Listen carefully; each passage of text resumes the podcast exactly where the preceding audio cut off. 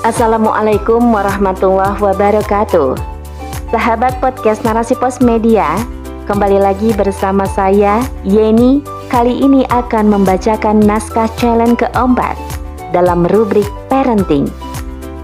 Berikut selengkapnya. Bila sang arsitek peradaban terpapar insecure akut oleh Nur Jamilah SPDI. Sesungguhnya orang yang paling mulia di antara kamu di sisi Allah ialah orang yang paling takwa di antara kamu. Sesungguhnya Allah Maha Mengetahui lagi Maha Mengenal. Terjemah Quran Surat Al-Hujurat ayat 13 Hidup ini tak selamanya diliputi kebahagiaan. Bumbu-bumbu kehidupan berjuta warna dan rasa mengiringi perjalanan kita. Kadang kita berdiri tegak atau bahkan merunduk nyaris tersungkur. Terlebih hawa sekulerisme kapitalisme yang menyelimuti bumi ini menambah perihnya nestapa yang merundung kita. Bunda, pernahkah mendengar istilah insecure? Istilah ini kini tak asing lagi di telinga kita bahkan kerap kali mendera manusia masa kini. Siapa pun bisa terjeratnya. Tak pandang usia, insecure ini semacam upaya dari dorongan emosi yang memosisikan diri sendiri inferior dibandingkan orang lain sehingga muncul rasa bersalah, tidak percaya diri alias minder yang menjangkiti seseorang ada yang timbul sewaktu-waktu atau bahkan setiap saat. Nah, apakah Bunda pernah mengalami insecure? Setangguh-tangguhnya kita, tetap saja kita hanya manusia biasa yang juga rentan terserang penyakit ini. Jangankan orang biasa, Bunda, bahkan seseorang yang telah berhijrah total dan biasa bergelut pada dunia dakwah pun tak luput dari penyakit ini. Bunda, penting bagi kita untuk mengetahui hal apa saja sih yang bisa menjadi pemicu insecure ini. Beragam sekali penyebabnya. Ada faktor internal dan eksternal. Ibarat penyakit, kita harus tahu faktor pemicu, gejala, nama penyakit, sekaligus obatnya. Pertama, faktor internal berupa fisik atau kondisi pribadi seperti materi yang tidak ideal. Misalnya kulit yang tidak glowing ala Korea, suara yang tidak merdu bak biduan, ketidakpiawaian mengomunikasikan konten dakwah ke masyarakat baik lisan maupun tulisan, merasa gagal mendidik anak karena terlambat memahami ilmu parenting, kondisi ekonomi yang kembang kempis, terlalu perfeksionis, dan lain sebagainya. Kedua, faktor eksternal berupa tuntutan dan ekspektasi yang tinggi dari suami dan mertua, bahkan juga masyarakat. Mengingat banyak sekali peran yang kita mainkan sebagai umun, warobatul bait, dan pengemban dakwah bahkan kritikan tajam yang bertubi-tubi atas kinerja dan langkah kita, termasuk perundungan yang kini seakan jadi tren di tengah masyarakat. Jika rasa insecure benar-benar telah menjerat, bisa berefek pada banyak hal, di antaranya mager, alias malas mengerjakan apa pun. Toh segala yang dilakukan selalu salah di mata orang anak terbengkalai, takut berinteraksi dengan orang lain. Padahal melakukan silaturahmi dan sila ukuah merupakan salah satu komponen penting dalam Islam. Bahkan dakwah pun ikutan kendor karena merasa tidak pantas lagi mengemban misi besar Islam. Nauzubillahi min zalik. Jangan anggap remeh gangguan psikis ini ya bunda karena jika dibiarkan dan terus berkelanjutan akan berujung pada depresi. Bahaya kan? Lantas siapa yang akan mengurus suami dan anak-anak kita?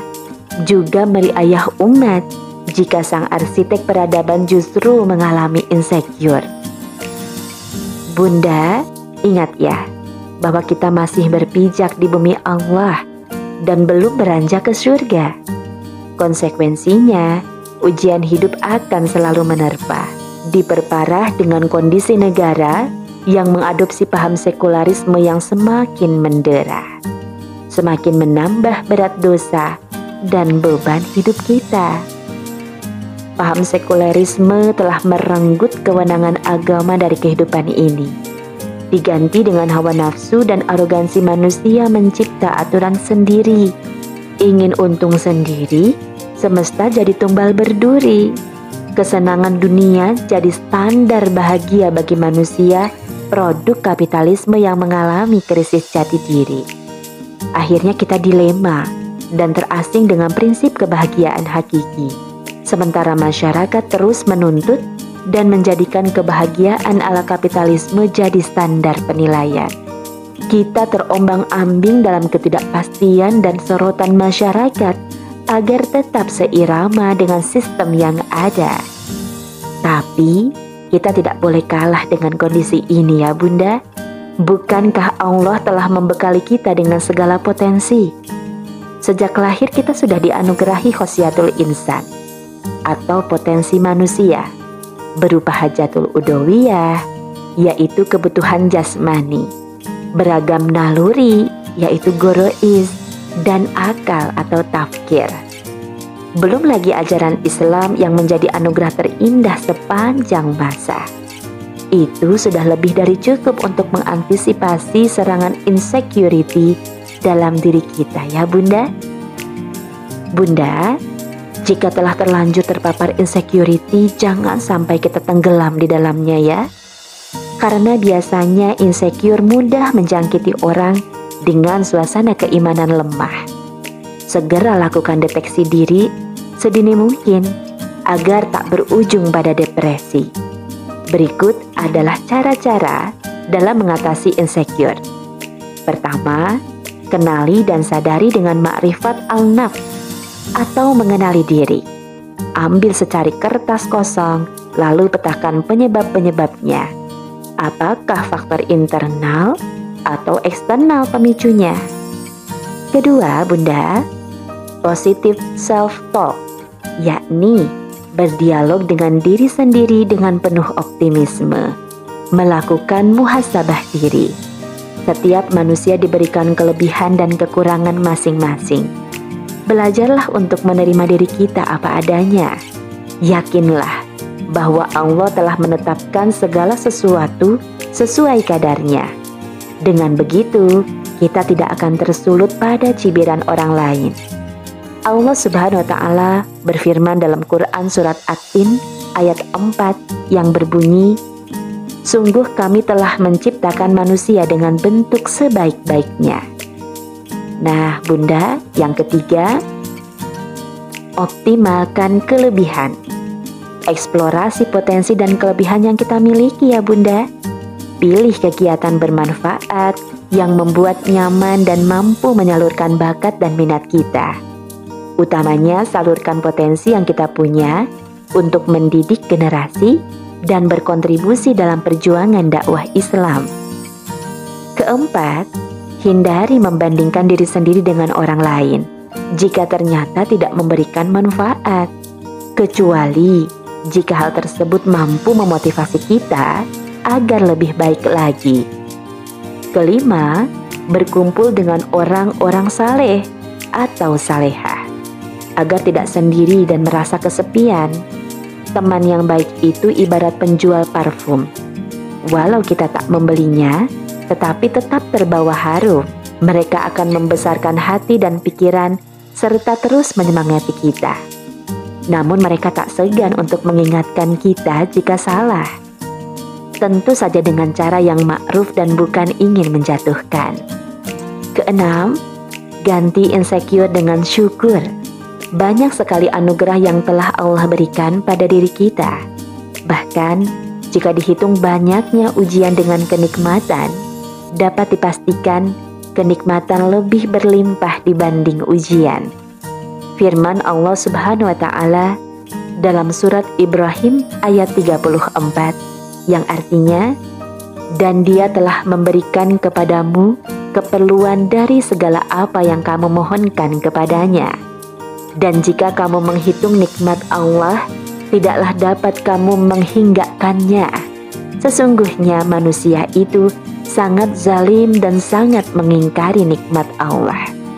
Bunda, ada gelar istimewa yang disematkan pada kita, yaitu arsitek peradaban. Bagaimana tidak? Kitalah yang mencetak generasi yang nantinya akan menjadi pemimpin peradaban. Tugas mulia ada di pundak kita. Maka bayangkan jika kita hanya asyik berkubang dalam kolam insecurity dan enggan move on. Apa kata dunia? Bunda, kalau Allah saja memuliakan posisi kita, lantas mengapa justru kita yang menjerumuskan diri pada kondisi inferior? Stop, stop, stop buka mata, hati, dan telinga. Angkat dagu kita menghadapi musuh yang sebenarnya, yaitu para penyeru sistem kufur, kapitalisme, dan sosialisme. Berdamailah dengan diri sendiri ya bunda, dan berikan kepercayaan penuh.